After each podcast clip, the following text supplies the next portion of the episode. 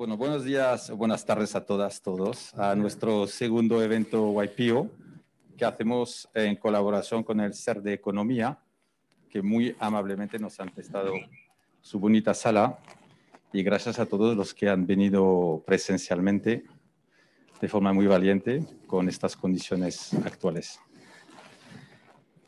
Hace tiempo, años atrás, eh, expertos ya nos habían avisado de un riesgo de una pandemia global.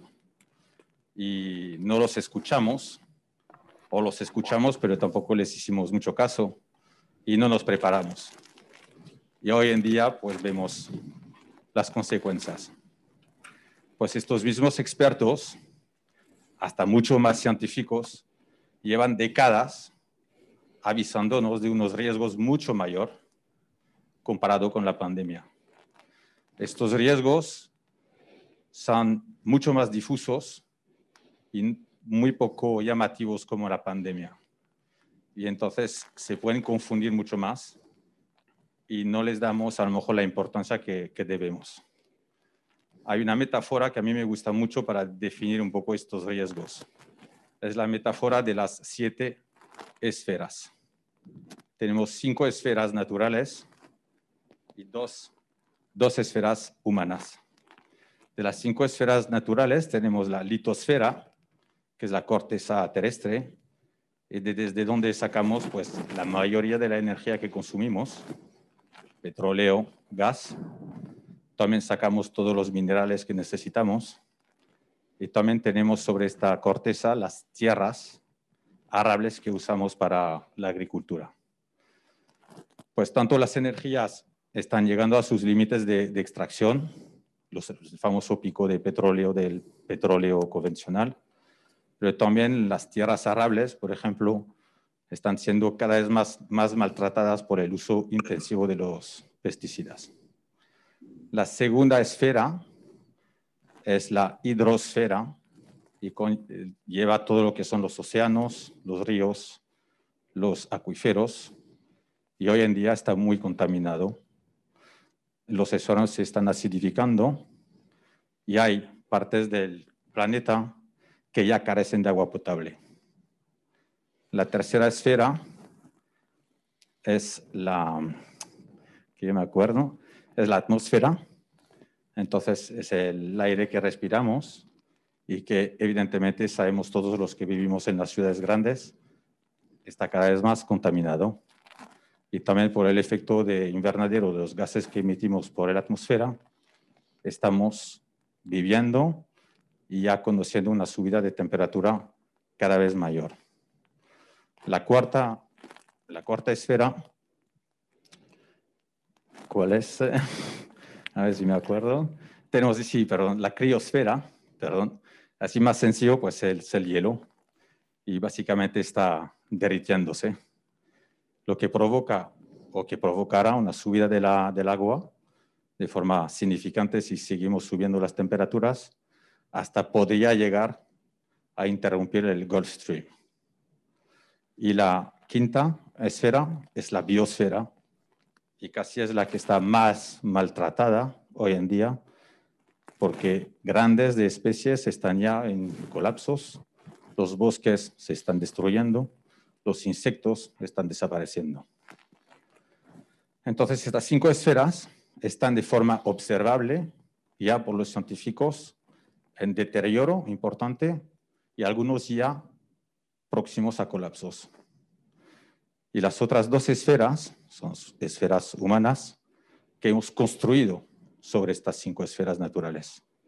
Tenemos la antroposfera, que es la actividad de los humanos, que somos hoy en día más de 7 mil millones de habitantes, y la tecnosfera, que es todas las construcciones que estamos haciendo, que sean carreteras, casas, teléfonos, ordenadores. Estas dos esferas están en pleno exponencial, al contrario de las cinco esferas naturales. Y eso, como cada uno puede intuirlo, no es nada sostenible. Pues para hablar de este tema tenemos tres pues, eh, invitados de, lujo con nosotros. Tenemos Elise Böckler, que va a hablar de, de forma virtual desde Geneva, que es la presidenta del, de Climate and Sustainability y también es advisora de las Naciones Unidas. Luego tenemos a Antonio Turiel, que es presidente del Comité Ejecutivo de Barcelona Expert Center. Y tenemos a Marta Subira, secretaria general de la Generalitat de Medio Ambiente y Sostenibilidad. Muchas gracias.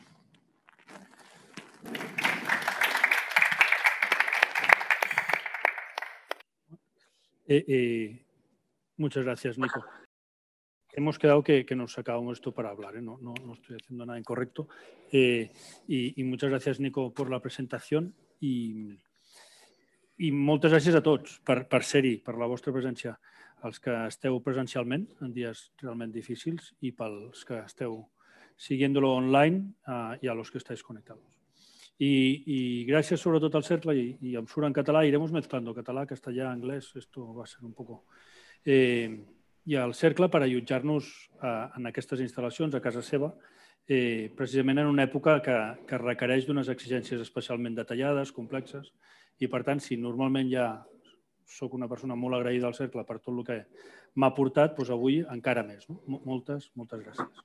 Eh, el, el Cercle sempre s'ha ofert a fer aquest tipus de debats i crec que com a think tank, jo diria el, el principal think tank de la ciutat, i, eh, doncs, doncs no podia deixar de parlar d'un tema que, que potser després i durant la pandèmia està quedant una mica amagat, però com és el, el canvi climàtic. No?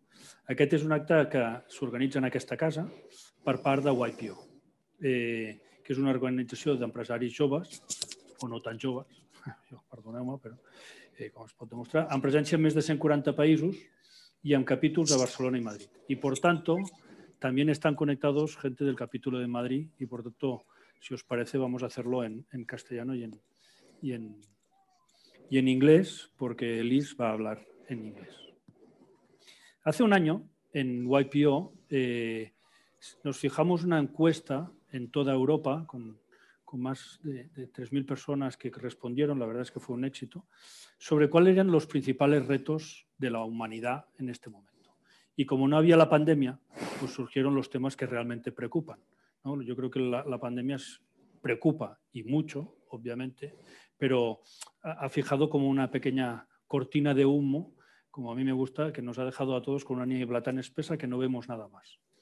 Eh, pero los retos que nos fijamos eran el climate change, democracia y Europa, porque era YPO Europa, pero yo diría democracia, estando a, a, menos de 10 días de las elecciones en Estados Unidos, creo que sabemos todos de lo que estamos hablando, que no es no solo en Europa, migración y refugiados, economía, deuda pública y empleo, y ciberseguridad y terrorismo. Eran los cinco grandes temas. Y hoy, un año más tarde, parece como si ya nada fuese relevante porque la pandemia, como decía, lo ha tapado todo. Ha pasado por encima de todos estos temas. Y no, no, no, no podemos dejar de tratar estos retos porque de ello depende el mundo entero en 2030, 2040, 2050 y por tanto no podemos dejar de hablar de este tema. No podemos olvidar que, que Francia, Alemania, Reino Unido, junto con otros 60 países, se han comprometido a situar ahora en septiembre, octubre, la naturaleza y el clima en el centro de los planes de recuperación posteriores a la pandemia del COVID. Y por tanto, traer al CERCLA y desde YPO para mí es, es, de enorme satisfacción, pero sobre todo de, de, rabiante actualidad tratar este tema hoy, aquí, porque la pandemia pasará o no pasará, pero en cualquier caso lo que seguro que es es que si no tratamos el tema que hoy traemos aquí, eh, cuando haya pasado la pandemia y nos ponemos a hablar de ello en aquel momento, será tarde. Desde YPO Europa se ha celebrado hace 15 días una conferencia sobre impacto social en general, con estos cinco temas que acabo de mencionar, para analizar y profundizar en detalles sobre programas que se podían promover en estos 84 capítulos europeos que tiene YPO. Y, y yo creo que es, y también creo que es un motivo de satisfacción, ver cómo hoy en día las organizaciones como YPO, las empresas en general, intentan trascender a su propio objeto corporativo para tratar otros temas que trascienden, van más allá de ganar dinero y dar empleo. Es, o de dar servicios, eh, o de dar un producto.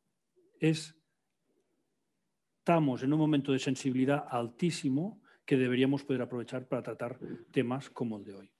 Es este un acto, por tanto, organizado desde la sociedad civil en el momento en que de todos depende eh, que superemos los retos que antes decía. Y cuando digo esto, me refiero al que para mí hoy se ejemplifica hoy con YPO Portugal, YPO Madrid, YPO Barcelona y, especialmente el CERCLA y todas las instituciones que con Elis, Marta y Antonio representamos, que es el principal objetivo de las ODS para mí, es el 17. Lo hacemos entre todos y entre todos conectamos o las otras 16 eh, o los otros 16 ODS mm, lo veo complicado.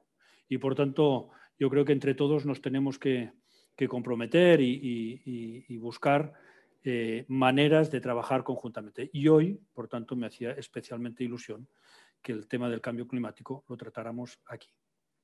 Y además, en un momento, como decía antes, en que la, la pandemia yo creo que nos ha mandado a toda la humanidad un mensaje de humildad que deberíamos llevarnos todos cada día a dormir y a pensar en él.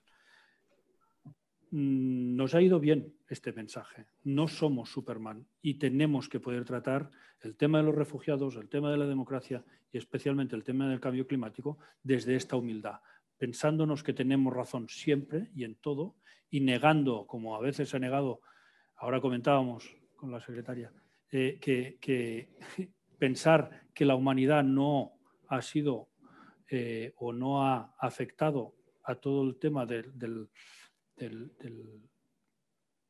la situación climática preocupante que estamos viviendo, negar que ha sido causa también en la actitud humana, pues era, era, era como bastante, no solo curioso, sino, sino absolutamente eh, perjudicial para, para, lograr una solución al mismo cambio climático. ¿no?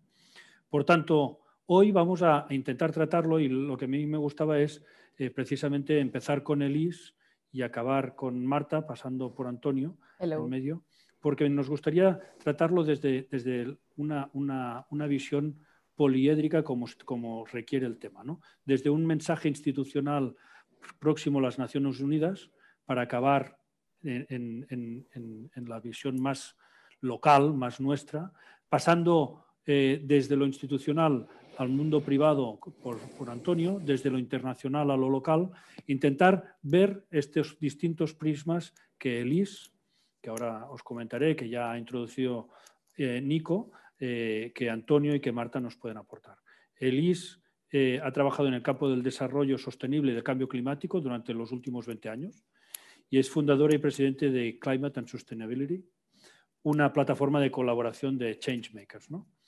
Eh, Antonio eh, es científico y divulgador, licenciado en física, matemáticas y está en la Autónoma de, Madrid y titular en el Instituto de Ciencias del Mar del CSIC aquí en Barcelona.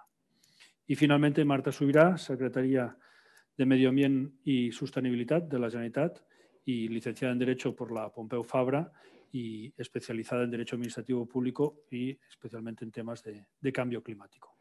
Por tanto, si os parece, empezamos y empezamos con el orden que, ya os he comentado por parte de, de Elis, continuaríamos con Antonio y acabaríamos con Marta.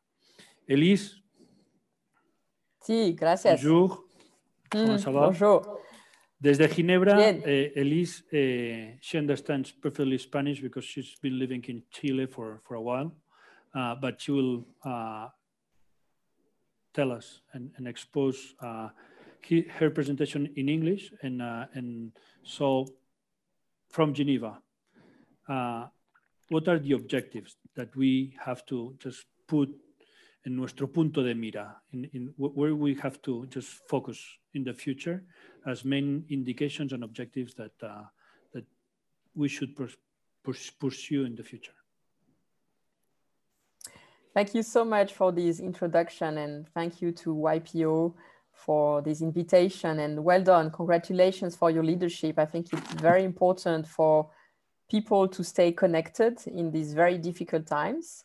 I would like to ask all of you to put your camera on if that's possible. uh, because I'm going to ask you a question before I start. So while you do that, um, I think you've said already, my name is Elise Buckle. I'm the, the founder and co-president of Climate and Sustainability. I'm advising the UN, and I'm also the facilitator of the Planetary Emergency Partnership, which I will uh, tell you about in a minute. So welcome everyone, good to see you. So I would like to ask you one quick question before we start.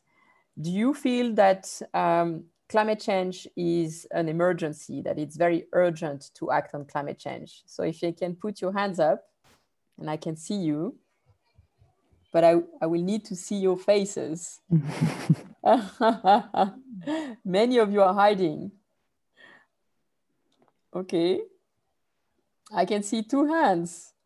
Hmm.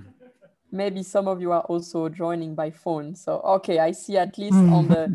on the stage that hmm. this is a urgent matter for you. And do you think that uh, we know what the solutions are and what the what the actions what are the actions that should take place? Yes or so so? You tell us. That's why we came.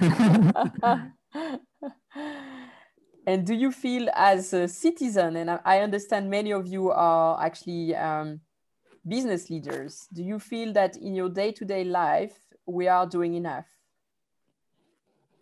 Yes or not so much? Not, so much. not so much. Okay, so it's very interesting because actually something that we've been doing here in Switzerland is trying to better connect the global knowledge on climate change, which is what is being shared with the, um, the United Nations, with the best scientists, and connecting that to local action. So I'm also a member of the local council in my city here in Nyon. And we organized uh, TEDx Nyon, which was an online citizens forum about two weeks ago to really mobilize people. It's kind of what you're doing now to mobilize people around the action that we should take. Um, and many people were feeling exact, exactly the same as, as all of you here, feeling that there is an emergency, that we know more or less what the solutions are, but that we are not doing enough. Um, so this is just a, a warm up for starting the, the discussion. And I hope we'll have time for questions and answers. I can only be with you for one hour. I hope this is okay. Um, and I very much look forward to the discussion. So first, I'd like to share with you um, our vision of uh, what's happening at the global level. Uh, I was listening to you in Spanish, and I think a lot of what you've said was very relevant. The first thing is that we are facing a planetary emergency right now, and we think this is all connected. So it's a triple crisis for biodiversity, for health, and for climate. And now it has consequences on the economy. Uh, and this is actually when you start working on the sustainable development goals, you can see that all of these goals are interconnected. If you start touching biodiversity, you're touching health. Today, we know that about one third of the emerging infection diseases come from animals as zoonotic diseases. And uh, the destruction of the natural habitats of uh, the wildlife and also wildlife trafficking as well as deforestation these are key drivers of pandemics. And scientists have been saying that for years i am myself more of a climate specialist so i've been reading a lot about these in the last year. And it's very clear that because as human beings we have in a way we have become invasive species and we it's also our lifestyles you know we are consuming so much of natural resources. This is actually changing the balance between human beings and the rest of the natural world. Uh, so there's a very uh, good talk on this i can send you later which shows that um, it's also what's happening in central africa uh, where ebola started that's a place where actually a lot of um, people go and work uh, to uh, mine for cobalt, which is what we put in our cell phones and also in the batteries for our computers. And there's such a high consumption of these minerals. There's a very high demand. So there's a lot of deforestation happening in Central Africa with people working in very poor labor conditions. And they actually eat bushmeat. And that's actually how Ebola was brought back to the city because it came from a very um, rural area in the middle of the rainforest, uh, where you have a lot of infection diseases, which, which can do this spillover effect and go from animals to human beings. So in my view, the COVID-19 crisis is a wake-up call. It's a very strong signal from the natural world that we need to rebalance our relationship with nature. And starting with the biodiversity crisis, as you all know, there is an extinction crisis, which is as important as climate change. And actually, both of them are also very much connected, uh, as global warming is also driving um, ecosystem uh, damage and, and changes. And when we are losing forests, we are also losing our capacity to deal with climate change for mitigation and adaptation. So it's all connected. So that's the first thing I wanted to, to share with you. And of course, so if you touch biodiversity, you touch health. If you touch health, you touch, you touch the economy. And of course, if you do a confinement to protect health, yes, this has an impact on the economy and on social inequalities. And something we've seen is actually the countries that have investing in sustainable development goals are the ones that are more resilient, the ones that are coping with this crisis better than other countries. For example, in New Zealand, where we have Prime Minister Jacinda Ardern, she's been investing in what she calls the well-being budget. So putting the well-being of people, climate and nature at the center of their economic model and going beyond the GDP growth. Uh, so, and actually New Zealand has been dealing with this crisis quite well. Same with Norway, uh, Iceland, a lot of the Nordic countries. On the contrary, when you look at the US, um, when, you know, President Trump has decided to actually disinvest from social security and healthcare, uh, this is actually impacting the country a lot and may affect the elections that are coming up next week. Um, so that's that's the first thing I wanted to share with you. I think it's also an existential crisis in a way for all of us to really rethink what is it that's so important to us? You know, is it to just produce more and more and consume more and more?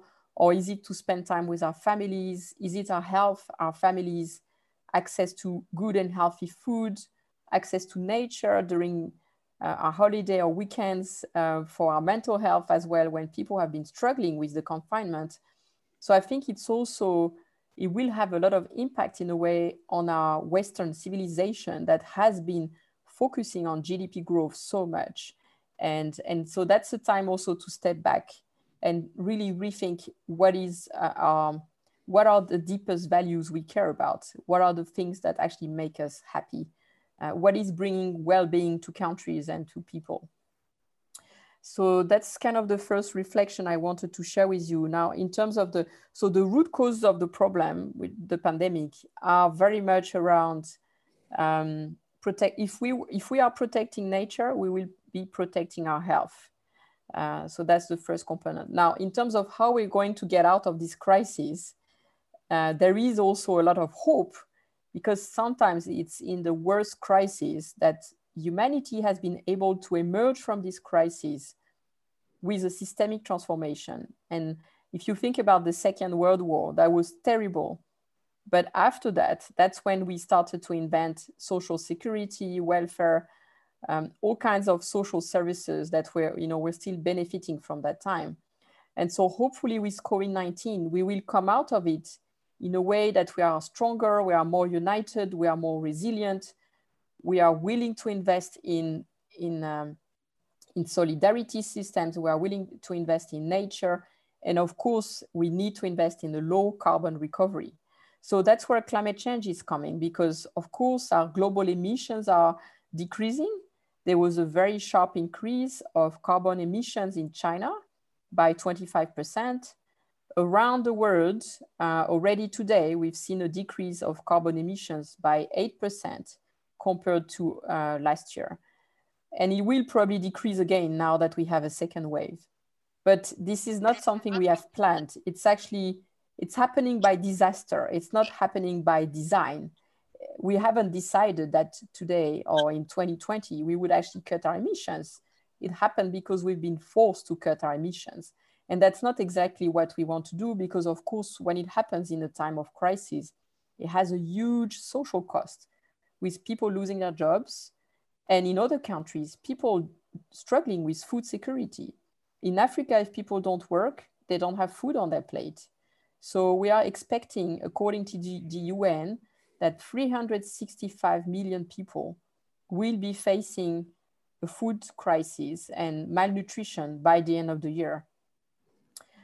Uh, so this is not the kind of uh, carbon emission reduction we want. We want carbon emission and a, a transition that is just and fair for everyone, uh, which comes with some redistribution of income.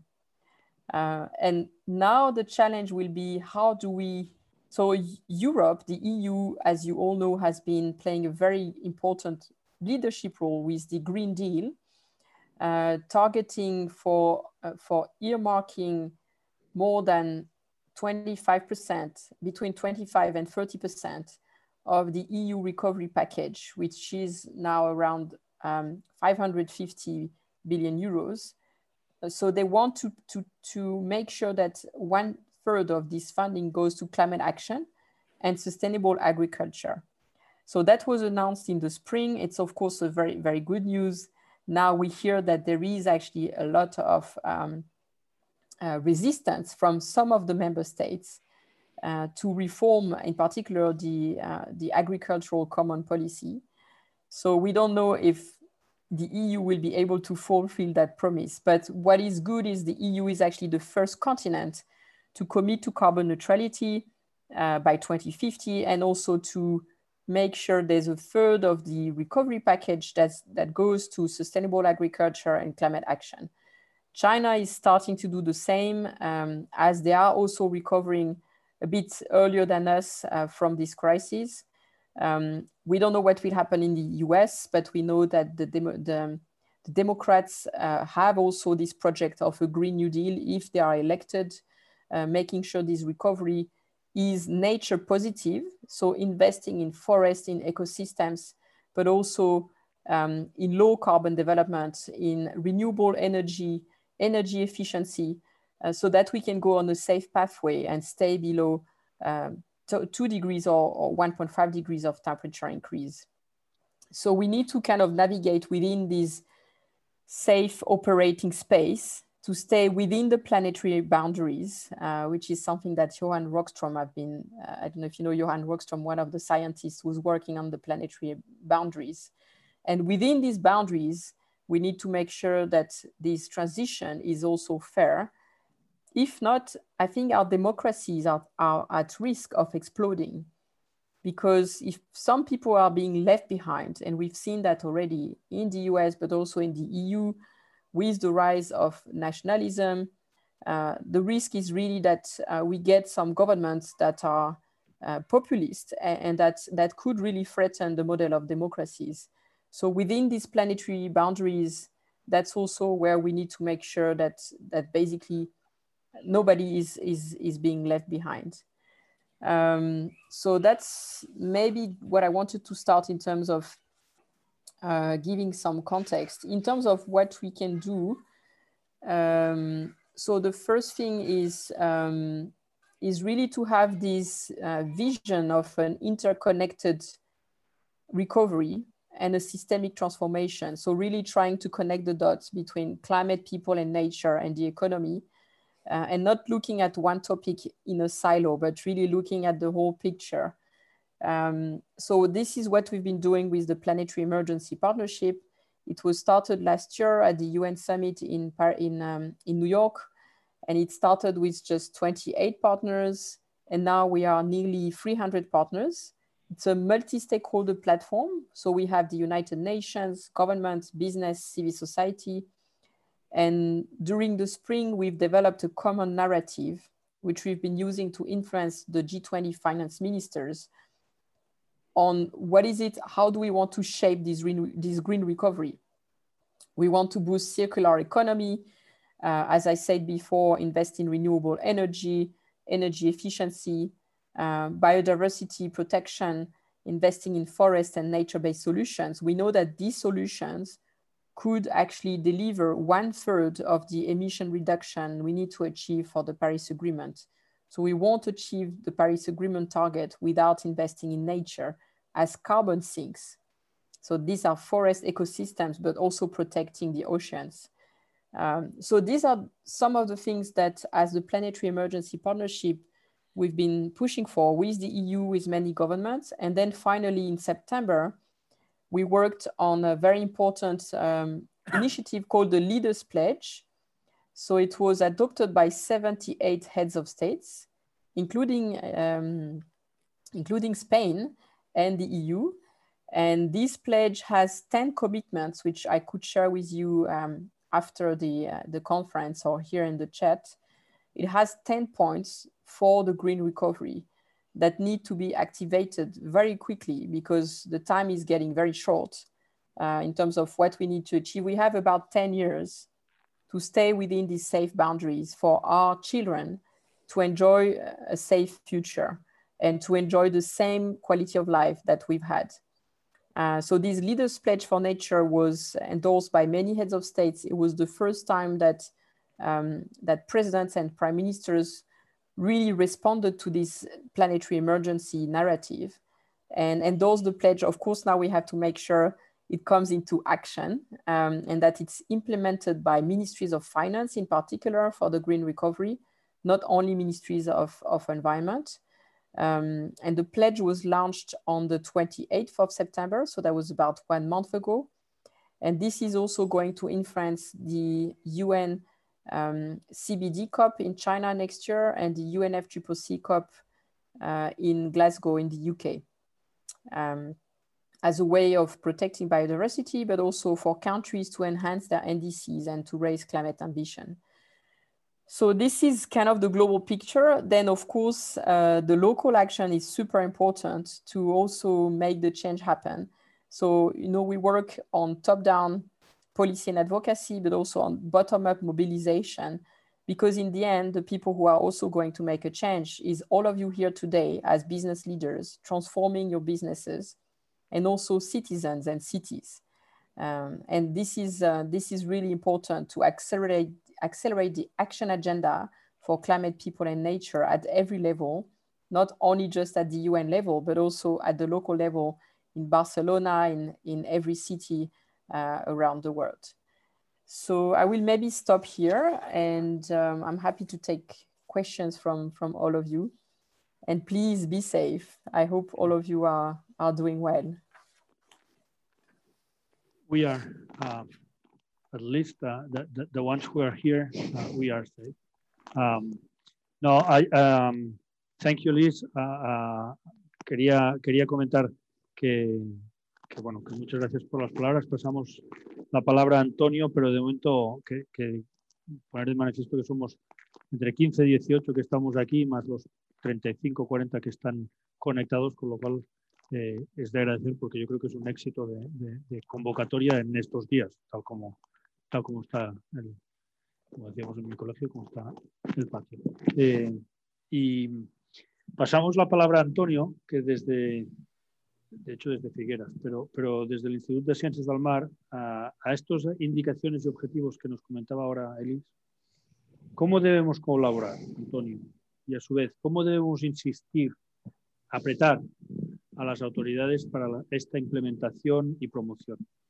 Eh, y sobre todo desde, desde tu expertise en, en, en, el, en las ciencias de, del mar y, y, las políticas oceanográficas, pues no podemos olvidar que somos un país rodeado de mar, con lo cual eh, lo que tú nos puedas contar hoy nos afecta especialmente a, a todos ¿no? y, y, queríamos uh -huh. conocer tu opinión, Antonio.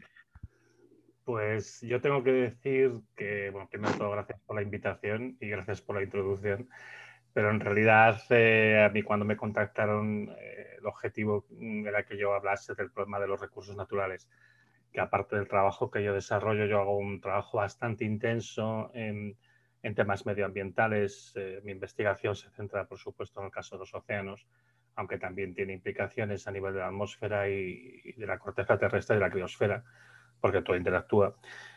Pero en realidad el día de hoy, a mí lo que me habían pedido inicialmente, Nicolás, cuando me contactó, es que hablase sobre el problema de recursos naturales, porque es una actividad que yo también desarrollo hace muchísimo tiempo y que interactúa también justamente pues, con muchos de estos temas que ha comentado Liz, de, de, de cómo vamos a hacer esta transición, las dificultades.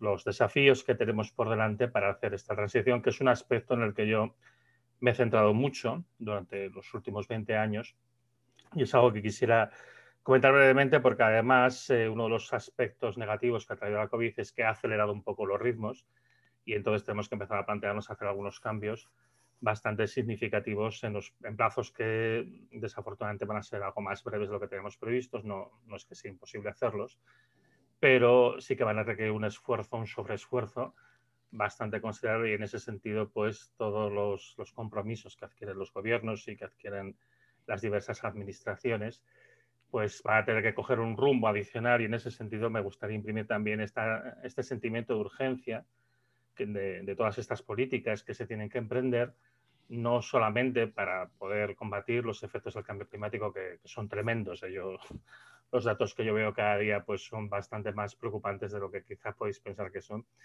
pero también por el gran problema que nos está planteando ahora mismo el tema de recursos naturales, que es un poco el elefante en la habitación, es el gran problema que pasa desapercibido. Tengo unas pocas eh, transparencias que me gustaría enseñar porque contienen gráficas. Si me permitís compartir, supongo que puedo. Eh, un segundito que tengo que activar la presentación. Para no hacerlo excesivamente largo y penoso, eh, Voy a pasarlo rápido. Hay muchísimos, como podéis imaginar, detalles que, no vamos a poder describir, pero por lo menos que quede claro algunas ideas que son básicas. Supongo que podéis ver la presentación en este momento. Y como digo, son los años que vienen, son los años, los años decisivos.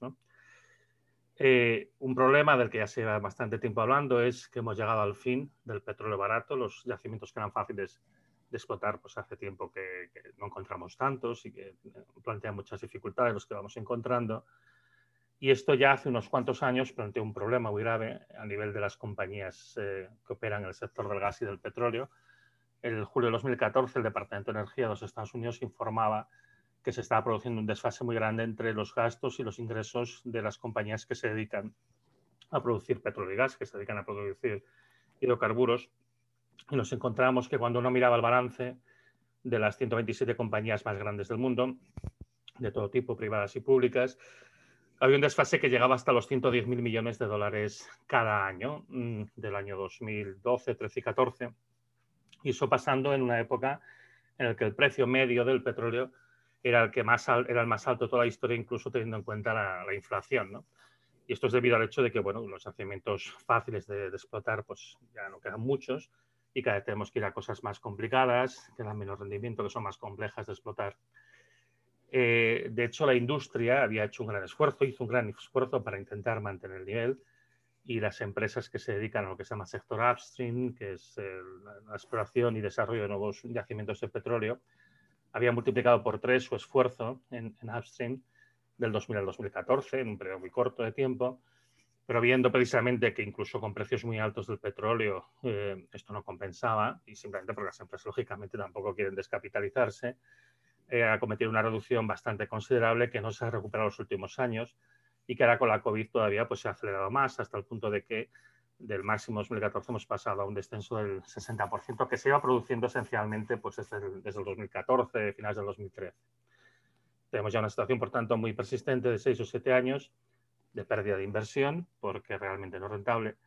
Y eso llevó a la Agencia Internacional de la Energía, que como sabéis es un organismo, es una agencia de la OCDE, la Organización para la Cooperación y el Desarrollo Económico, y que asesora a los países miembros, entre ellos España, lógicamente, sobre en materia de política energética, pues ya en su informe anual del 2018 nos avisaba de que era posible que se produjeran varios picos de precio de aquí al 2025, y ellos presentaban esta gráfica, en la que lo que podemos ver es cuál sería el declive de la producción de los pozos que actualmente están en activo, el declive que se observa, porque evidentemente se hacen inversiones en los pozos para intentar mantener la producción, para mejorarla, etcétera, y en una situación de un entorno incierto de, inversión por parte de las, de las empresas, podría haber un desfase en el 2025, que es muy poco ya, que podría llegar a ser de 34 millones sobre 100 que se esperaría de demanda, de 100 millones de dólares diarios, es decir, un desfase del 34%. En el mismo informe dicen que ellos esperaban que esta brecha se cerrase y quedase solo alrededor de 13, pero igualmente habría un desfase, eh, debido a que, por ejemplo, el fracking en Estados Unidos se multiplicaría por 3 y que otros sitios harían toda una serie de cosas. Eh, esto también anticipaban que en una situación en la que no había inversión, el declive de la producción de petróleo podría llegar a ser muy rápido en los próximos 25 años, lo cual podría generar toda una serie de, problemas para el mantenimiento de nuestra sociedad que todavía a día de hoy pues depende muchísimo del petróleo. Entonces, incluso aunque nosotros sabemos que tenemos que abandonar los combustibles fósiles por, los problemas ambientales que generan el cambio climático y otros, tampoco lo podemos retirar de golpe, porque esto evidentemente crearía unos problemas aún mayores.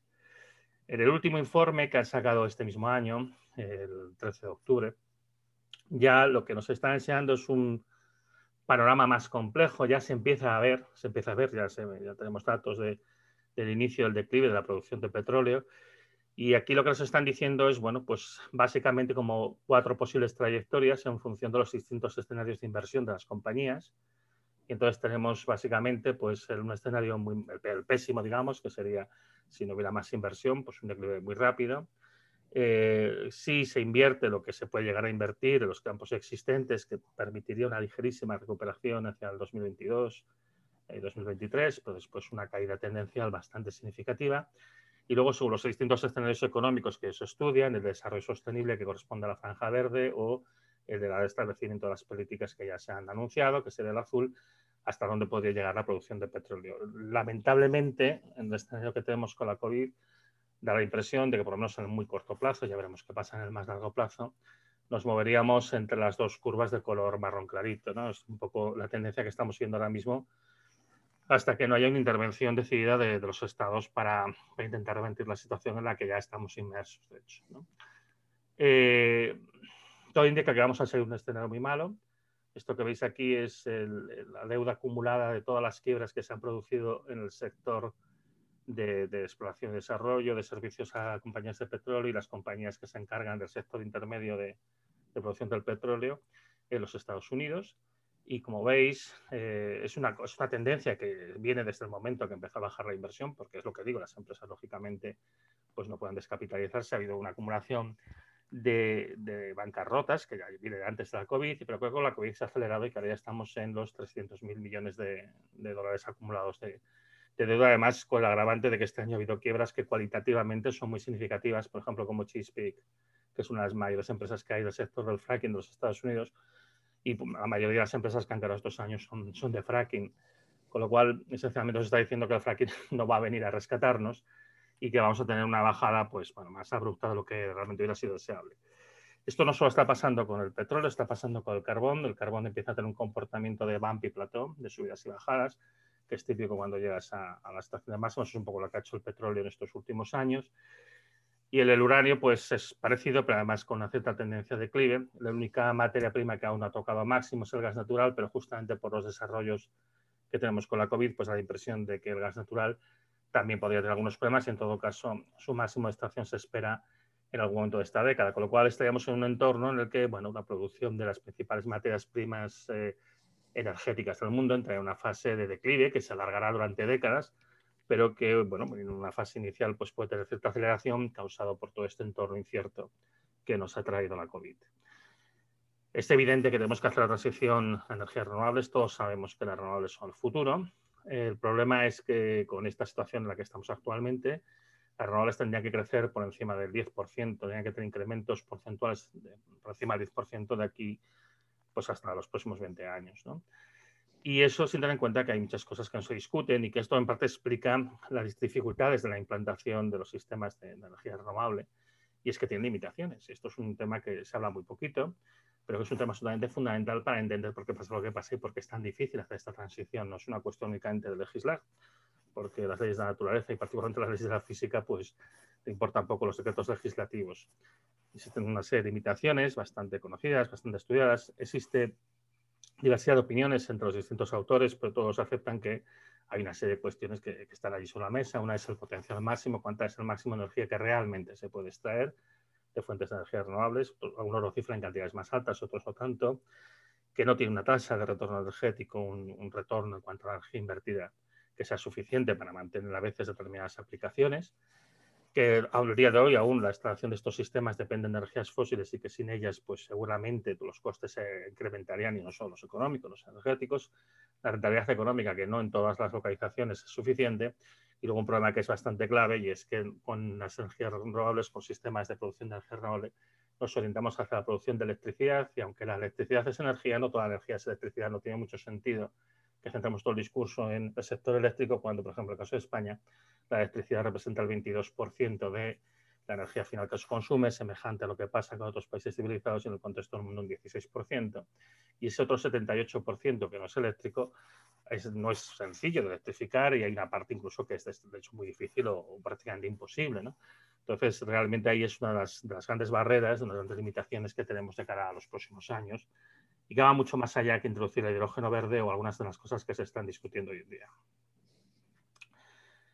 El nuevo escenario que se nos plantea con la llegada de la COVID es que teníamos una situación de debilidad estructural planteada por algo que realmente era conocido y es que, bueno, pues que los yacimientos buenos hace tiempo que se han acabado, no solo con el petróleo, sino con, con las materias primas energéticas y con otras materias primas no energéticas, metálicas, por ejemplo.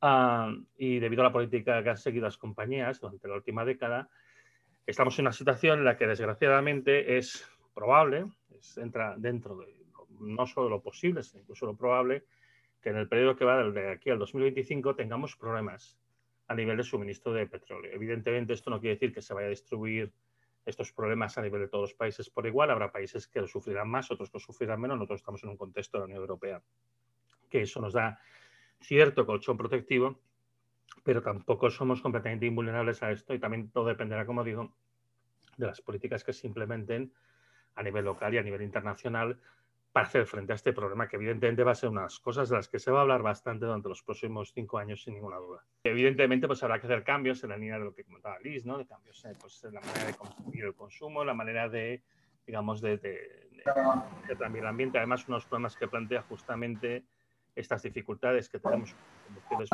que las soluciones más sencillas para paliarlas muchas veces son las que son ambientalmente menos, menos interesantes o, o más dañinas, ¿no? Eh, particularizando un poquito al caso de España y de Cataluña, tenemos que tener en cuenta que incluso, que incluso aunque asumamos un final rápido para la crisis de la COVID-19, que por cierto yo no creo en ello, yo creo que es una crisis que se va a alargar un poquito más de lo que pensamos, eh, la crisis energética emergente, provocada pues, por, por, por, este agravamiento de la política de desinversión de las grandes compañías petroleras de los últimos siete años, eh, va probablemente a provocar un descalabro económico. Va a ser, vamos a salir de la dificultad económica que nos plantea la COVID con la dificultad económica que nos va a plantear pues, una situación de desabastecimiento de petróleo y de mucha volatilidad en el precio del petróleo. ¿no? no es que el precio del petróleo va a ser permanentemente elevado, sino que va a estirar mucho y eso hacer un entorno incierto para los inversores y va a complicar bastante todo el problema del suministro y, y, no sé exactamente pues, cómo se gestionará a nivel de España si simplemente aventurando un poquito las, las, consecuencias que puede tener aquí en España y en, en, Cataluña, hay dos sectores que se van a ver muy fuertemente afectados por el problema de, la, de los problemas de suministro del petróleo que va a haber a escala global. Uno, evidentemente, es el turismo, en parte por la crisis económica, en parte porque el turismo implica transporte de personas y también de, de muchos materiales, y esto va a ser y como no deja de ser un gasto discrecional desde el punto de vista del turista, pues eh, es más, se va a ver muy fuertemente afectado. Y otro, evidentemente, es la automoción. La reconversión de la automoción es algo muy complicado. El coche eléctrico no proporciona realmente una alternativa que se pueda implementar a una escala tan masiva como el coche de, motor de combustión interna. Y, y, esto, bueno, pues al caso de la economía española va a afectar con, con bastante dureza. Se requieren medidas urgentes, teniendo en cuenta que, como estoy hablando, estamos en un proceso de aceleración de estos problemas que se han alarmado durante los últimos años y que, bueno, tienen que basarse en acuerdos amplios entre administraciones y los agentes económicos. Estas medidas eh, seguramente serán muchas y se tendrá que estudiar, se tendrá que analizar y se tendrá que intentar la medida posible ser lo más proactivo posible de los problemas que nos vienen encima. Eh, algunas cosas que yo creo que deberían de incluirse, pues es la racionalización del transporte, porque obviamente se va a encarecer en los costes del transporte o se va a dificultar, con lo cual es conveniente, pues, en la medida posible, eh, pues hacer un transporte utilizando pues aquel medio que realmente sea energéticamente más eficiente y económicamente más eficiente, más que nunca precisamente porque habrá unas dificultades significativas. Relocalizar la actividad, si la, la abundancia de energía barata favoreció la globalización, justamente la disminución de esta abundancia y que la energía se vaya volviendo más, cara o más escasa, menos asequible, ¿no? porque el problema más que era del precio es la asequibilidad, ¿no? de quién lo puede pagar. Eh, pues va a implicar lo contrario de la globalización, va a implicar una relocalización. Y en eso, pues también, sobre todo por sectores estratégicos para la economía, pues es importante pensar en qué actividades conviene relocalizar ya y qué actividades tenemos que empezar a, pensar en, cómo los vamos a gestionar. Una disminución de las redes logísticas acorde a la necesidad de disminuir mm, el, consumo energético y materiales. Y finalmente, pues establecer planes de contingencia delante de posibles disrupciones que posiblemente no pasen en, el próximo lustro, pero que podemos mm, prever que fácilmente en los próximos 10 o 20 años algunas situaciones de disrupción podrían llegar a producirse y es, es, importante estar preparado contra ello porque, como dice un amigo mío, no tienes que esperar a tener sed para construir el pozo. Y un poco antes, para, para concluir, un poco con, con, toda la presentación, ya dejo de, compartir la pantalla, eh, una de las cuestiones que es bastante clave es que, es que tenemos que pensar que fácilmente muchas de las alternativas que vamos a proponer durante estos, durante estos años, que van a ser complejos por la situación que hemos creado, pueden implicar un mayor coste ambiental y en particular mayor, mayor emisiones de CO2 y pueden, enviar, pueden implicar también una mayor degradación ambiental no solamente a nivel del cambio climático, que es lo que nos obsesiona, pero también degradación ambiental de proximidad. ¿no? Y en ese sentido, pues las administraciones tienen que permanecer muy vigilantes. Hay toda una serie de desafíos bastante considerables por delante, que es eh, los que nos tenemos que centrar los próximos años, justamente para que la transición que tenemos que hacer se pueda pilotar de la mejor manera posible, teniendo en cuenta que, bueno, por desgracia y por la situación de la COVID, pues eh, nos han tocado unas cartas muy malas que tendremos que aprender a, jugar en los próximos años. Ya está. Bueno, muchas gracias Antonio. La verdad es que nos has animado. estamos aquí, estamos a punto de salir por piernas, pero, pero está, está eh, y, ya llegaremos después con las preguntas. Eh, y desde, desde, esta visión, eh, eh, así como las que nos han dado Elis desde, desde Ginebra, ¿no? desde Cataluña, ¿qué, calce? Hemos conocido esta visión más cercana a esta parte internacional, institucional, esta visión de Antonio más, más punzante, ¿no? ¿Y qué planteamos desde aquí? ¿Qué puede hacer una comunidad autónoma para aterrizar todos estos objetivos, todas estas indicaciones? Eh, ¿Cuáles son los objetivos que, queremos fijar, que debemos fijar? Y que, como decía Antonio, se tendrá que, pero yo creo que se tiene que, ¿no? Ya, no en futuro, sino en se tiene. Y, en este sentido, pues Marta, Marta Subirá, eh, sí que nos gustaría que, esta última intervención nos pudieras indicar hacia lo que podemos hacer. Moltes gràcies, moltes gràcies, Joan. Moltes gràcies a, a tothom qui, qui ha vingut aquí a aquesta sessió, al Cercle d'Economia per, per acollir aquesta, aquesta jornada i a YPO, al Barcelona Chapter, per, per organitzar-la. Buenas noches también, bueno, buenas tardes a los que nos seguís online y, y desde fuera de, desde fuera de Cataluña. En primer lugar, yo quería destacar la, la oportunidad del evento y del, del título, este Be More Aware, que creo que es, que es realmente eh, muy oportuno, porque como hemos visto y como nos ha animado ahora Antonio y nos ha explicado muy bien también Elis, ah, debemos despertar la, conciencia de, todo el mundo ante la gravedad de este problema. Eh, hace muchos años que los, que los científicos realmente nos alertan a muchísimos, diría yo, que los, que los mm, gobiernos ah, participan en conferencias a nivel internacional de Naciones Unidas. ELIS es una de las advisors en este sentido, pero el gobierno de Cataluña, por ejemplo, lleva participando en conferencias internacionales desde hace más de 20 años. Fue el primer gobierno del Estado español en tener un departamento de medio ambiente, un ministerio de medio ambiente, precisamente antes de que se celebrara la primera conferencia de la Tierra en Río en el año 92 de esa conferencia de Río del año 92 nacieron dos convenios internacionales de Naciones Unidas, el Convenio de Diversidad Biológica y el Convenio Marco de Cambio Climático, que es el que ha dado lugar a todas estas sesiones que de modo anual se celebran en distintas partes del mundo. Estamos hablando del año 1992, el año de las Olimpiadas de Barcelona. Ha llovido mucho desde entonces, cada vez llueve menos, luego lo, lo comentaré, al menos en el ámbito mediterráneo. Y, yo diría que no ha sido hasta hace poco que realmente el tema no ha mm, llegado a ocupar el lugar que le corresponde en las agendas políticas de los gobiernos. Se ha hablado mucho, se han dicho muchas cosas, pero lo importante, como creo que se ha dicho en las dos sesiones o en las dos intervenciones anteriores, es actuar. Y actuar no es tan fácil como hablar.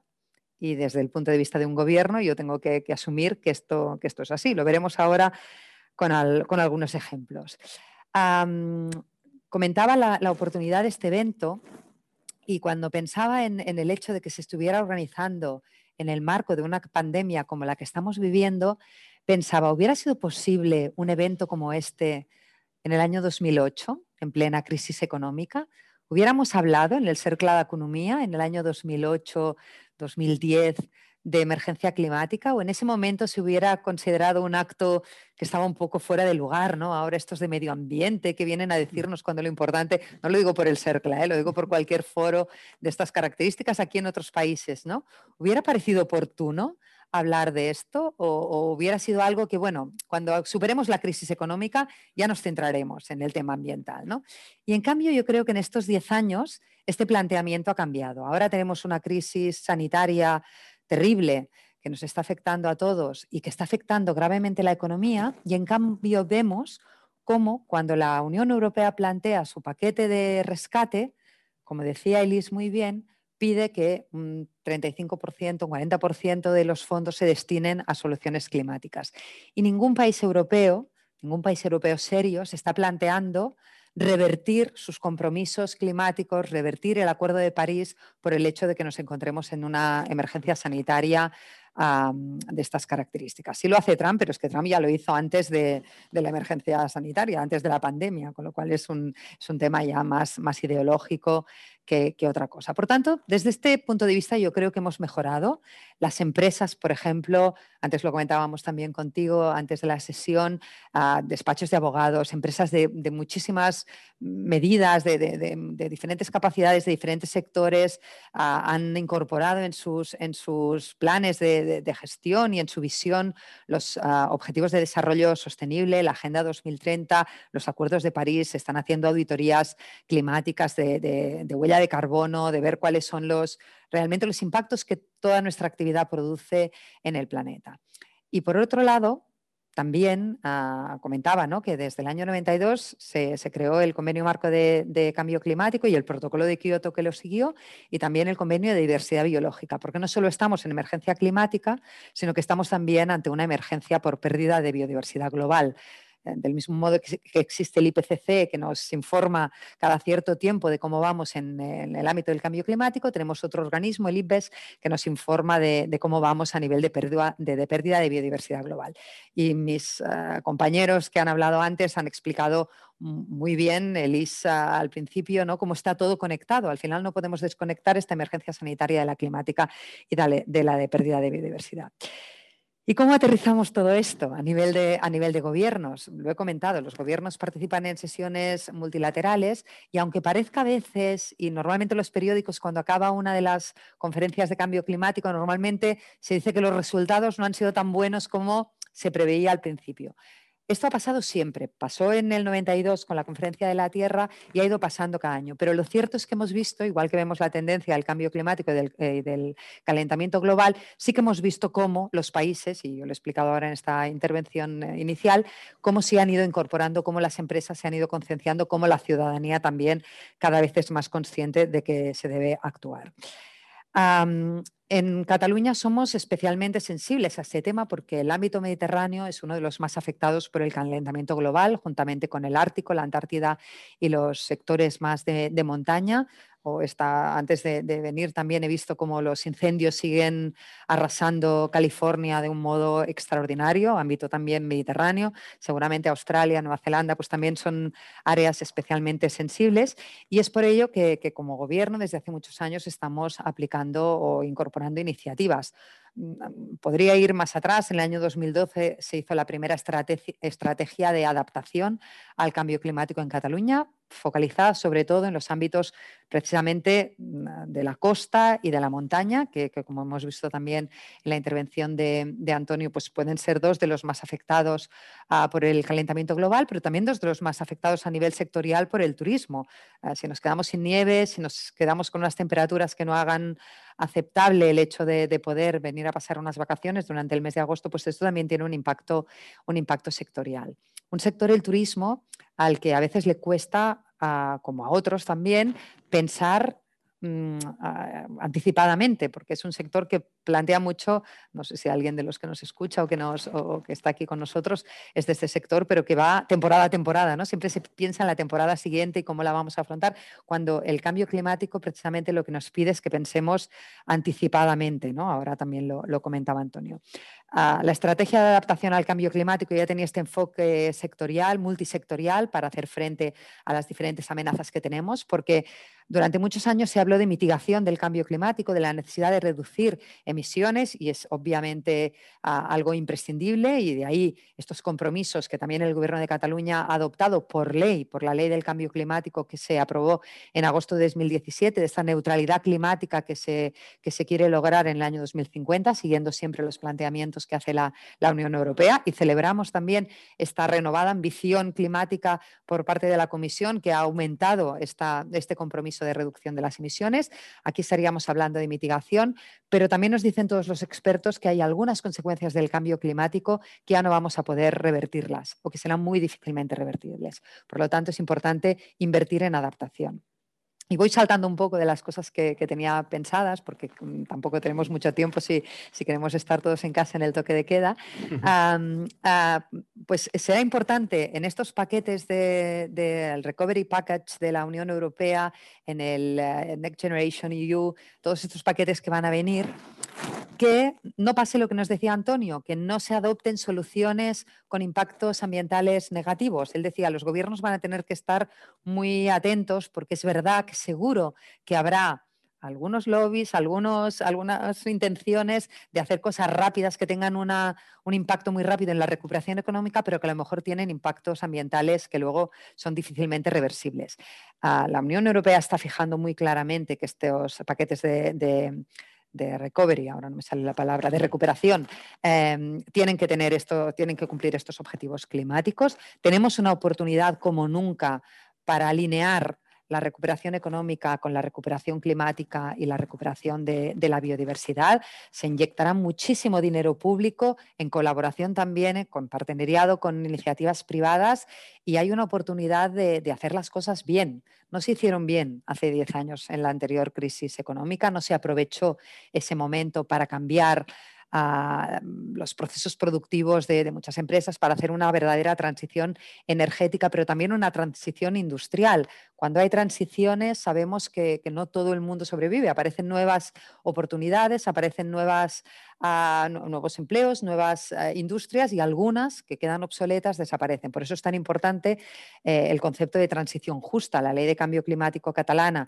insiste mucho en que la transición eh, climática, la transición energética debe ser justa. En este sentido, la colaboración de los agentes sociales es imprescindible, tanto ah, trabajando con los sindicatos, con las patronales, para asegurar que nadie queda, que nadie queda atrás, pero algunos sacrificios tendremos que hacer para no tener que hacer sacrificios mucho mayores en el, en el futuro. Comentaba que, Cataluña se comprometió, fue una de las primeras regiones en comprometerse con la neutralidad climática en el año 2050. Em, el objetivo es que marca la ley de cambio climático es alcanzar para el 2030 un 50% de producción de electricidad a partir de fuentes de energía renovables y una reducción del consumo de energía a partir de la eficiencia energética del 27%, estableciendo así unas bases para poder llegar a esta neutralidad de carbono en 2050. Y para ello debemos tomar decisiones valientes. Por un lado, a nivel de transición energética, la apuesta por las energías renovables. Me ha encantado lo que ha dicho Antonio, de que esto no va a ser ni fácil, ni rápido, ni barato, porque es así. Del mismo modo que, he empezado mi intervención con un cierto grado de optimismo, porque creo que las cosas ahora están mejor que lo que estaban hace unos años en relación a la concienciación ciudadana, empresarial y de los gobiernos, también es cierto que estamos viendo que, la implantación de energías renovables, al menos aquí en Cataluña, está, ah, se está encontrando con muchísimas dificultades. Y aquí habrá que hacer un esfuerzo colectivo un pacto entre los diferentes partidos políticos, pero también con la ciudadanía y con las empresas. Seguramente parte de las resistencias que hay vienen de que las cosas tampoco se hicieron bien hace unos años y que hubo algunos abusos por parte de, de, determinada, de determinados actores en el marco de la transición energética, pero eso no puede ser una excusa para frenar algo que, no puede tener, ah, que, no, que no se puede parar. Y por tanto aquí tenemos un reto entre todos. Desde el Gobierno de la Generalitat hace un año se aprobó un decreto ley precisamente desburocratizando todo el proceso de implantación de las energías renovables, intentando quitar todos aquellos frenos que no que no sumaban elementos de protección ambiental y que, sin embargo, pues sí que hacían que los procedimientos se alargaran excesivamente. Por tanto, por este lado ya, ya hemos intentado acelerarlo, pero también habrá que haber un pacto entre las empresas promotoras, entre el territorio, entre aquel territorio que tiene el recurso natural necesario para implementar una energía renovable. Porque yo he oído en algunas ocasiones a algunos territorios que consideran que ya han hecho su parte de, del trabajo y que ya tienen suficientes, por ejemplo, parques eólicos, decir, es que hay que ponerlos en otras partes del país. Bueno, en otras partes del país, si no hay viento, difícilmente podremos poner parques eólicos. Y esto a veces mm, como tenemos ahora también todo el tema este de las fake news y los gobiernos, desgraciadamente, con los años, también seguramente por errores propios, hemos perdido mucha credibilidad, pues no se nos cree. Y cuando decimos que no ponemos parques eólicos en el Vallés eh, porque no hay viento, pues no se lo creen, se piensan que es porque es donde vivo yo y que no, y que en Colcharola tendría que haber un parque eólico. O a veces incluso también cuando se cuestiona la La Lampurdá es una zona que parecería que debería ser muy buena para energía eólica y algunos sectores seguramente lo pueden ser, pero en algunos sectores hace demasiado viento y es un viento que no es el adecuado. Y la fotovoltaica, que parecería que sería la alternativa adecuada en un país donde hace mucho sol, pues también Cataluña es un país difícil porque eh, las zonas agrícolas que hay que son muy productivas, pues tampoco se quieren sacrificar ah, para, hacer energía, energía renovable. Eh, es un país con una orografía complicada, con muchos espacios protegidos, densamente poblada. O sea, no es tan fácil, lo decimos, lo, ponemos unos objetivos en la ley que son los que nos tocan, los objetivos que, el compromiso de, de, un país como Cataluña debería hacer, pero a la hora de tener que implementarlo, pues es más difícil. Pero eso no significa que debamos renunciar y al contrario, tenemos que trabajar más intensamente que nunca para, para superar todos estos obstáculos. Ah, otro tema que me parece interesante que podemos hacer los gobiernos y es el tema de la fiscalidad ambiental, un tema que ya solo de nombrarlo seguro que ya pone los, pelos de punta más de uno y se les, ah, eriza la piel. Pero es algo que, debemos abordar. Ah, la Unión Europea ha alertado al Estado español en diferentes ocasiones de que su grado de compromiso con la fiscalidad ambiental es muy bajo respecto al resto de países. Aquí no estamos hablando de aumentar la fiscalidad, sino seguramente reequilibrarla disminuirla en otros aspectos y en cambio insistir eh, en, aquella fiscalidad que puede provocar cambios de comportamiento, en una fiscalidad que sea punitiva para aquellos que no hagan las cosas bien, pero que también ofrezca incentivos y bonificaciones a los que están haciendo bien los deberes.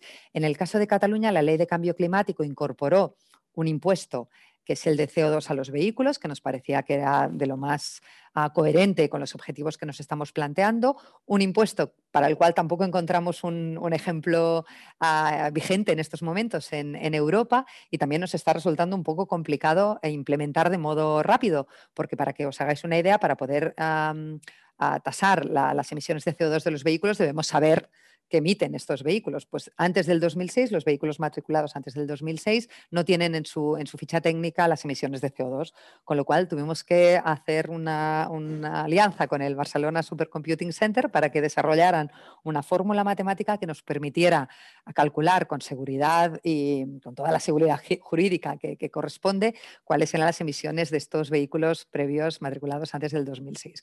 Y esto también nos ha llevado nuestro tiempo. hay que sacar y aprobar un padrón de, vehículos. Bueno, toda una serie de cosas que cuando eres el primero en hacerlas, pues no son tan, tan evidentes.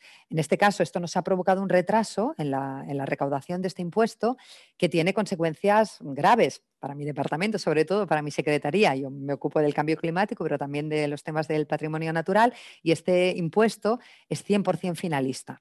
El 50% de lo que se recaude va a un fondo climático y el otro 50% a un fondo de patrimonio natural para precisamente hacer frente a la emergencia por pérdida de biodiversidad. Pues evidentemente retrasar la recaudación del impuesto supone no disponer de este de este importe que, para nosotros es básico. Pero el Gobierno de la Generalitat se ha comprometido a que con fecha 1 de enero de 2021, es decir, en los próximos meses, podamos tener a disposición a través de un ingreso extrapresupuestario de la misma cantidad que, que hubiéramos recaudado, precisamente para no dejar cojas estas dos políticas que estamos diciendo en esta sesión que son realmente importantes. Mm, Joan mira el reloj, no, no sé si voy ¿Cómo voy de tiempo? Voy a mirar aquí a ver. Bueno, sí, no, voy, todavía un poco bien. Ah, como decía, la, ley de cambio climático es ambiciosa, incorpora temas de fiscalidad ambiental, que es algo que ya os avanzo que también hemos reclamado para la ley del Estado. Sabéis que el Estado español también está en proceso de aprobación de una ley de cambio climático y uno de los temas que, echamos de menos precisamente es que se hable de fiscalidad climática. Otro tema también que, hemos incorporado nosotros en nuestra ley, que también es bastante innovador, es los presupuestos de carbono. Los presupuestos de carbono tampoco se encuentran en la ley de cambio climático española, haremos alegaciones en este sentido o, enmiendas.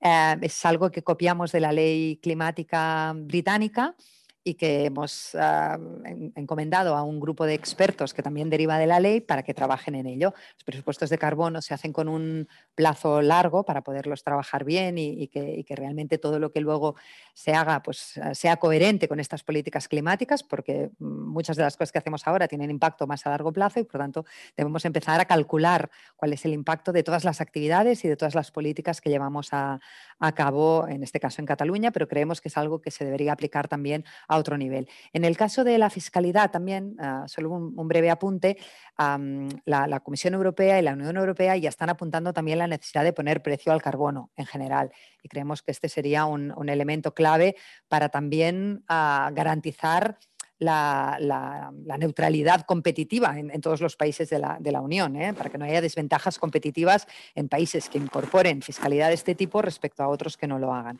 Y por tanto, yo soy una grandísima defensora de todo aquello que venga de Europa, de las directivas europeas, porque nos igualan en este sentido, garantizan que haya un equilibrio a nivel de las diferentes empresas que operan a, nivel de, Europa y también empezar a trabajar a nivel europeo y en, cómo grabamos la huella de carbono de aquellos productos que vienen de fuera, de países que a lo mejor no están aplicando los mismos criterios que aplicamos nosotros hemos hablado mucho, y Antonio también ha hablado mucho del tema de la transición energética y de la, necesidad de avanzar hacia, hacia, unas energías más renovables, pero hemos de tener en cuenta que eso solo supone el 55% de las emisiones globales. De, de, CO2 en el planeta. Y por tanto también hay que atacar el 45% restante. Y en este sentido, la transición hacia una economía circular es básica para poder repensar cómo diseñamos, producimos, usamos y consumimos los bienes, servicios y alimentos en este sentido, el Gobierno de Cataluña también desde hace muchos años está adoptando políticas en beneficio de la economía circular. De hecho, el próximo 19 de noviembre ah, tendrá lugar un evento también online que debía haber sido presencial, pero que lo hemos tenido que aplazar para el año que viene, que es el Circular Economy Hotspot 2020, en este caso y 2021 el año que viene, que es un evento a nivel europeo donde participan empresas y donde en este caso las empresas catalanas tendrán la oportunidad de mostrar a sus homólogos de, otros países todo aquello que están haciendo en el ámbito de la economía circular, que es mucho. Tenemos muchísimas empresas que son realmente ejemplares en este ámbito. Hay también un observatorio de economía circular que se puede consultar en la web del Departamento de Territorio en, y Cataluña Circular.cat. Tengo aquí a, Maite Machado que nos ayuda en este tema y que, que va haciendo que sí, o sea que si me equivoco me corriges cataluñacircular.cat, donde se muestran, y animo a todos los que nos estáis viendo, que si estáis haciendo también acciones en el ámbito de la economía circular, os apuntéis y nos las, lleguéis, nos las hagáis llegar para, que las podamos incorporar. Porque, como decías, representa, todo el resto representa este 45% de las emisiones que hay que atacar también, no solo a través de la, de la transición energética. Y un último apunte, un último apunte eh, al que ha hecho referencia con todo el tema de los paquetes de, recuperación que se están impulsando estos días. Eh, la Generalitat de Cataluña ya en el momento en que empezó la pandemia creó un comité para la recuperación económica y social y una agenda verde catalana. Sabéis que está el Green Deal europeo, pues eh, cogimos el Green Deal europeo y lo aterrizamos al ámbito de, Cataluña para ver todos aquellos aspectos sobre los que nosotros deberíamos también actuar en este, en este ámbito. Y la Agenda Verde Catalana ha, llegado a ser, o es en este momento, el eje central de este paquete también de, recuperación económica sobre el cual vamos a, trabajar y sobre el cual también pretendemos poder ejecutar esta parte de los fondos europeos que van a llegar al, Estado, al Estado español.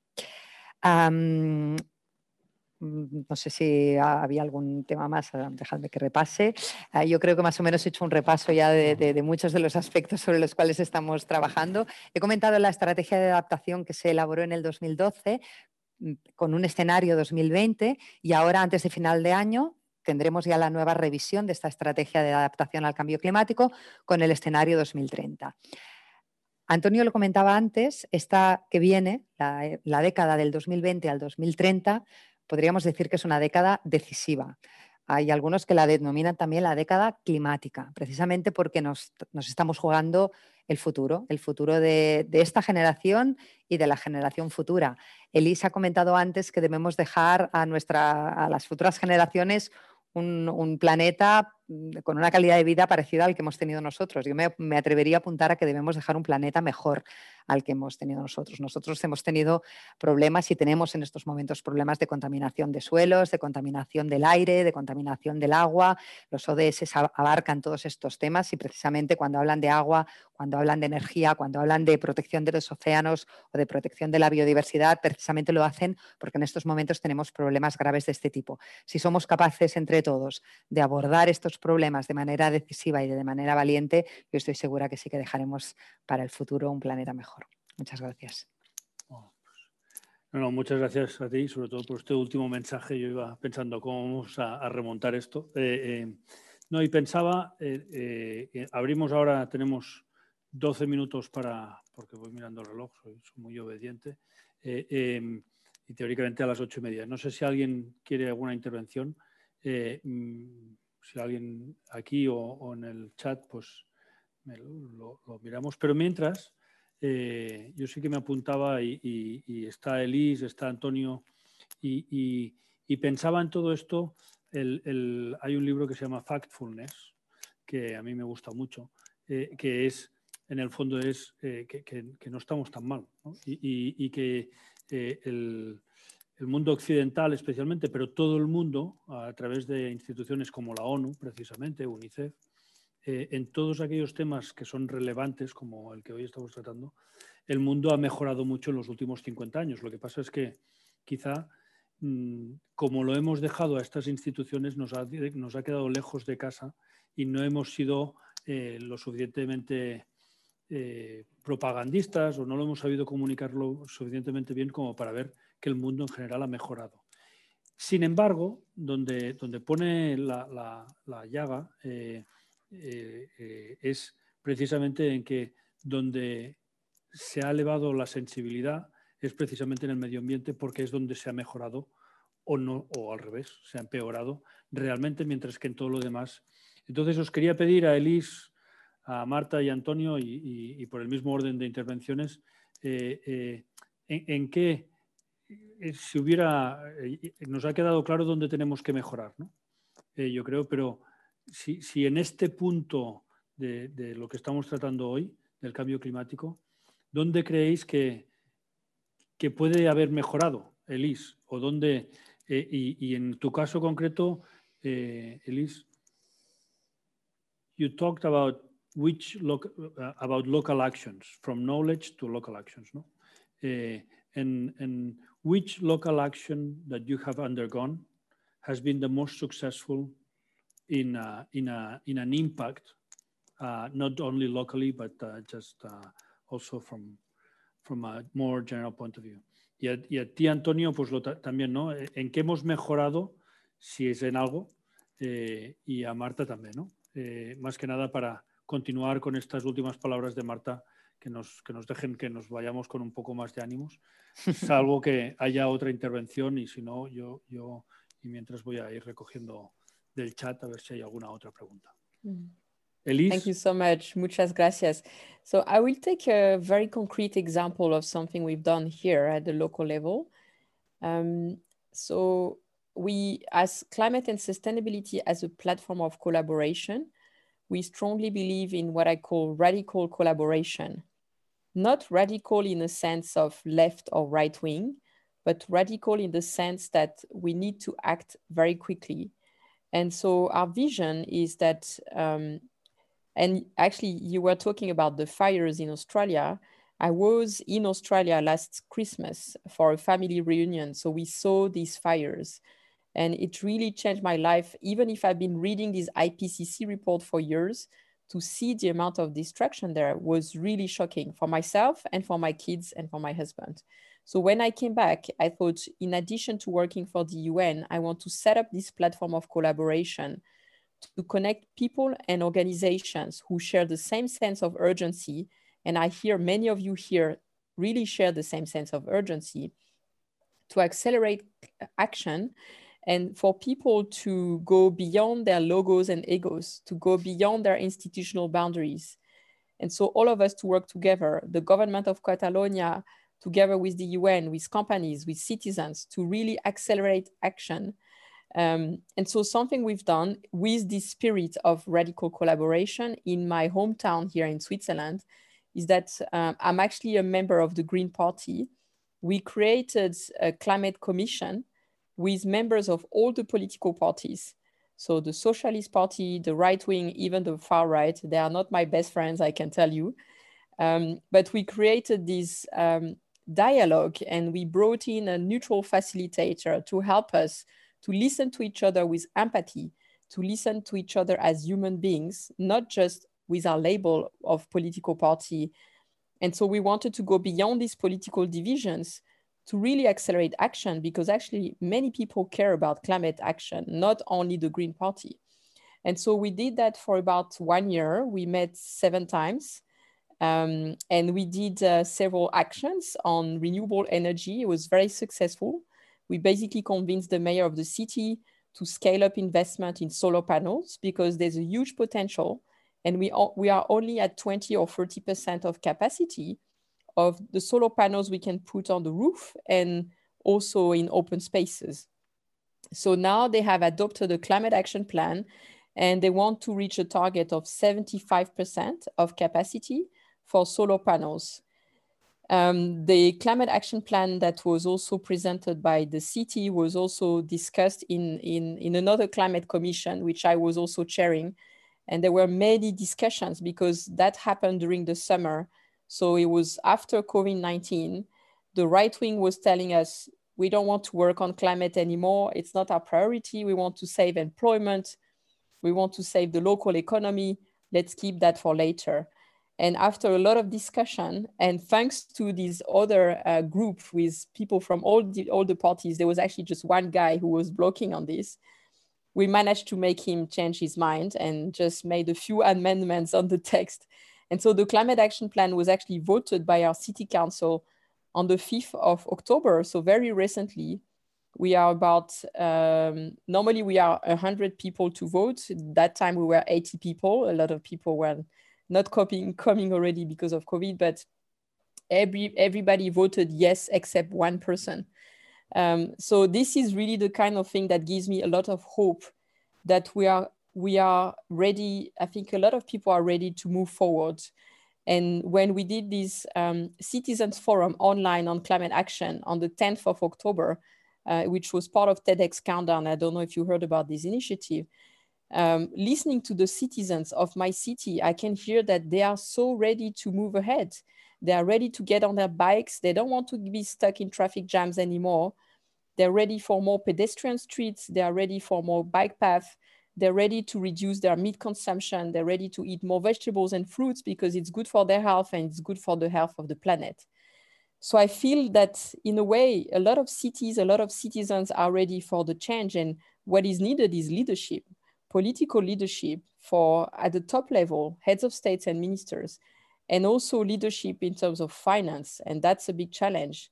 Investors, how do you change the incentive so that the incentive is not only on a quick return on equity, and a lot of companies are under pressure to deliver, you know, a 12% return on equity, and they, they have to cut jobs to really meet that target for the stock exchange, which is really crazy. So we have to change the financial markets, and that's a really, really big challenge. But to give, maybe to give you hope, I think that this idea of radical collaboration can work. Um, I believe in it because I saw it working in my city. So you can say, okay, our city is only 20,000 people. It's not big. The impact is not big if you compare China, you know, their carbon emissions or the US. But I think that spirit can help in a way. It was the spirit of the Paris Agreement that Laurence Tubiana and many others championed, a spirit of shared leadership. As you said at the start, also a spirit of humility that as human beings, we are not that strong. Nature is stronger. The planet doesn't need us. Climate doesn't need us and other species will survive. So we need to show a lot of humility and shared leadership to really think it's all of us working in, in one big open space. And our mission is, and we have just one planet, there's no planet B. So that's also this idea of radical collaboration, which we are nurturing in the Planetary Emergency Partnership. And I believe this is why it's been growing very fast.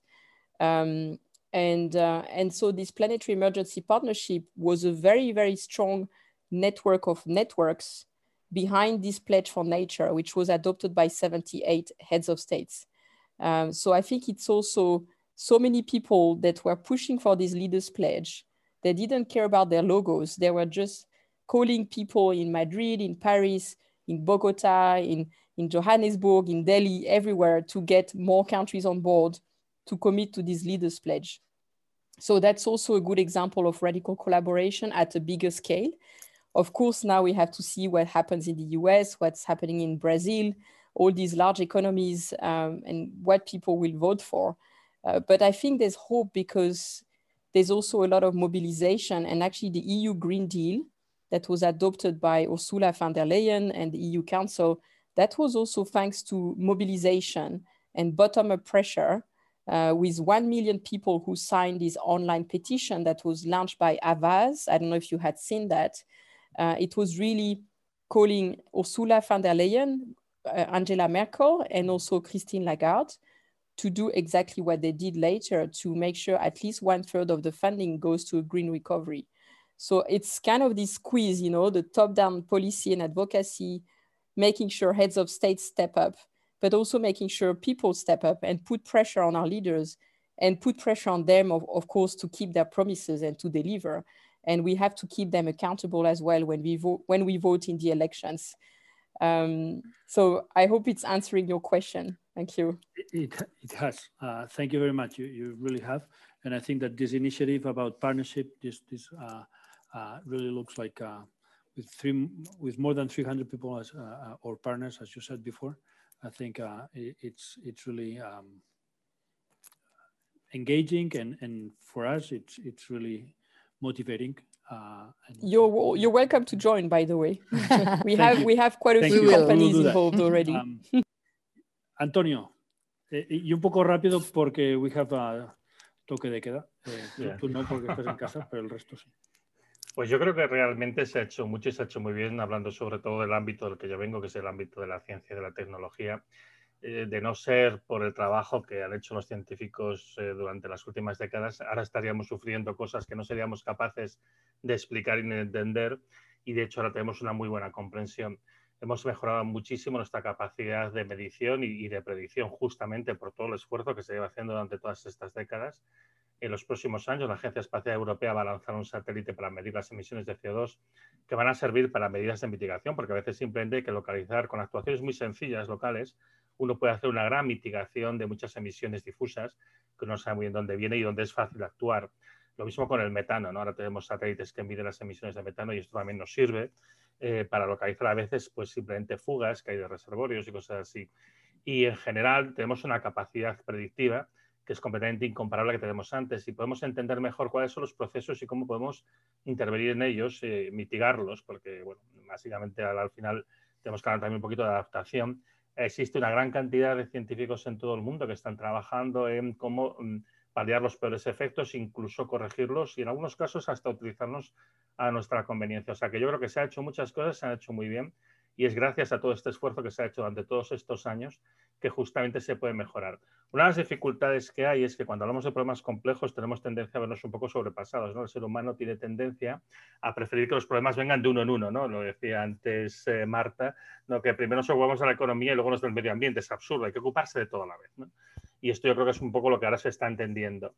Eh, justamente en ese espíritu, integrar el factor del declive energético, que es otro factor que hemos dejado un poco apartado porque pensábamos que ya trataríamos con él y es lo que yo he incidido hoy, esto se puede integrar y de hecho nosotros desde el Instituto de Ciencias del Mar lideramos un, proyecto europeo que se llama MEDEAS, que lo lideró mi compañero Jordi Sule, y que justamente lo que hace es diseñar una hoja de ruta, un plan para adaptarnos a muchos problemas a la vez que incluye el económico, el medioambiental y el energético y estas dificultades que tenemos con los recursos limitados. Y por cierto, MEDEAS ahora mismo está siendo adaptado para ser utilizado por la propia Generalitat de Cataluña. O sea, realmente se ha hecho mucho, hay mucha capacidad de hacer y yo creo que en ese sentido también hay que saber confiar un poquito los científicos, que estamos acostumbrados a lidiar con la complejidad que suele tener el mundo real y que ahí también tenemos mucho que aportar.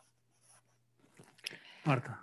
Pues uh, estoy muy de acuerdo con, con mis dos compañeros. Uh, lo que ahora comentaba Antonio es un hecho clave, el hecho de la colaboración entre, por ejemplo, los centros de investigación. Ah, de hecho, los dos han, ah, se han referido a la colaboración. Uh, Elis, desde el punto de vista también de, a nivel político, de las diferentes fuerzas políticas que pueden colaborar y que pueden convencer ¿no? y hacer el cambio en un, en un ámbito más local, pero también la colaboración que debe existir entre los centros de investigación y los gobiernos y las empresas públicas y este intercambio de conocimiento para realmente eh, llevar a cabo políticas públicas que sean que estén basadas en la ciencia y que por tanto obtengan resultados en relación con lo que comentabas de factfulness, mm. ah, si repasamos el ámbito ambiental en Cataluña de los últimos 20 años, desde que se creó el Departamento de Medio Ambiente, vaya, es que las mejoras son increíbles, desde el agua de los ríos, el Basós, la gente que conoce el ámbito del área metropolitana, el río Besós o el río Llobregat, que eran ríos donde había de todo excepto vida, y en cambio ahora pues, son espacios magníficos para poder pasear y gozar y donde aparecen especies que, que se consideraban ya desaparecidas de estos ámbitos, en el, en el ámbito también de la recuperación de materiales, de los residuos, en, muchísimos ámbitos se ha, se ha, mejorado, se ha mejorado muchísimo. Lo que pasa es que ahora somos más exigentes somos mucho más exigentes. Seguramente a nivel de calidad del aire hace unos años estábamos peor, pero en cambio ahora, precisamente porque la ciencia nos aporta datos, somos más conscientes del impacto que tiene la contaminación del aire en la vida de las personas y en las enfermedades respiratorias y por tanto queremos un aire mejor y queremos vivir en sociedades y en ciudades más sanas, más verdes, tener la naturaleza más cerca, queremos que se reduzcan las emisiones de gases de efecto invernadero, no queremos sufrir las consecuencias negativas del calentamiento global. Y por tanto, está eh, eh, la insistencia por parte de, la ciencia en que se tengan en cuenta estos temas. La presión ciudadana y de los sectores, hay que reconocérselo, de los ecologistas que durante muchos años apretaron un tema que, que, mucha gente no les hacía caso. Y luego ya el conjunto de la ciudadanía y los gobiernos que han entendido que este es un tema prioritario y que, insisto, no puede, como se decía ahora muy bien, separarse del resto. Hay que tener un planteamiento holístico de todo porque, como decíamos al principio, estamos todos interconectados, los diferentes problemas, la naturaleza, el cambio climático, la salud, todo está interconectado. Pues yo con esto y, pasando cuatro minutos, o sea que lo hemos hecho muy bien porque eh, por pantalla y, presencial, pues, pues eh, es todo un reto y, la verdad, Elise, thank you very much. Antonio, muchas gracias. Marta, muchas gracias. Eh, yo, a mí me gustaría acabar con, con un pequeño resumen, por los, por, porque esto, eh, para, para, ni que sea, porque me toca como papel, pero sobre todo para hacer un wrap-up ¿no? de, de, todo lo que hemos hablado. Pero me gustaría empezar con una idea que he empezado Primero, agradeciéndoos este tono más optimista, porque si no era, sabiendo que nos vamos a encerrar unos meses, ¿no? Pues, pues la verdad es que necesitaba un poco de optimismo. A mí me gusta vivir optimistamente porque si no es, es muy desgraciado, ¿no? Levantarse cada mañana. Entonces, pero, pero ha habido una idea que, Elise, you, you said at the beginning, that I thought it was, que el climate change no es solo por el climate, es, es por el, el, el ambiente que vivimos nosotros. Si, el tema climático, como ella comentaba, climate change brings social gap. Si no, hay, si no hacemos un problema, hay unas inequalities sociales que producen tensión y la tensión produce populismo y produce una serie de, políticas que precisamente no tendrán en cuenta el cambio climático y por tanto al final threatens democracy en general. ¿no? Yo creo que este es un, tema que, me ha gustado mucho porque a veces abordamos el cambio climático desde un punto de vista vital de, salud nuestra, de biodiversidad, que lo vemos tan lejos que no nos ponemos a trabajarlo. Cuando Elisa hacía esta reflexión, yo, yo creo que igual que la pandemia lo hacía eh, Antonio, lo vemos tan cercano que nos pondríamos a trabajar mañana mismo, ¿no? esta noche. Yo creo que esta es una reflexión que, que, que, a, mí me gustaría subrayar mm. y, y, que, enlaza mucho con, una, con otra reflexión que hacía Marta, que, en demasiados gobiernos se ha tardado en llevar esto a la agenda política. ¿no? Eh, no, todo el mundo estaba en el año 92 en Río y, por tanto yo creo que, esto no nos puede volver a pasar. O sea, cuando los científicos, como subrayaba Antonio, han estado eh, trabajando y a veces a espaldas o, sin el apoyo eh, por parte de, quienes gobiernan, incluso negando ¿no? con, con, sus tesis negacionistas, pues esto no, no, nos hace bien.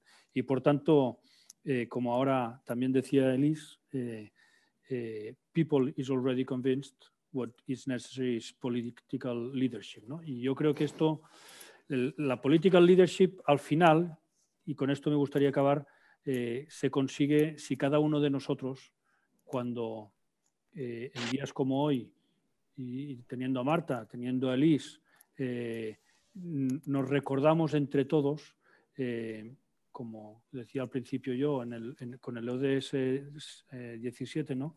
Pero, pero muchas veces tendemos, cuando encontramos a alguien con capacidad de decisión, a recordarle lo nuestro. Todo aquello del sector de la construcción, oye, aquello del, sector de la automoción, tema legal en mi caso. Hablemos más del bien común y recordemos más a quien puede tener agenda política, eh, que el bien común es, es, algo que es prioritario y en estos momentos no solo durante la pandemia o después de la pandemia, sino ya eh, el, cambio climático tiene que estar en la agenda, como ya lo está, pero sin, que la niebla nos obligue, esta niebla que estamos viviendo estos días con todo el tema de la pandemia, nos, lleve a, otros derroteres y también nos preocupemos, como hemos hecho esta tarde durante una hora y media larga, eh, del cambio climático. Por tanto, a los tres, muchísimas gracias por, por sensibilizarnos y por dar soluciones. Muchas gracias. Gracias. Thank you, Liz.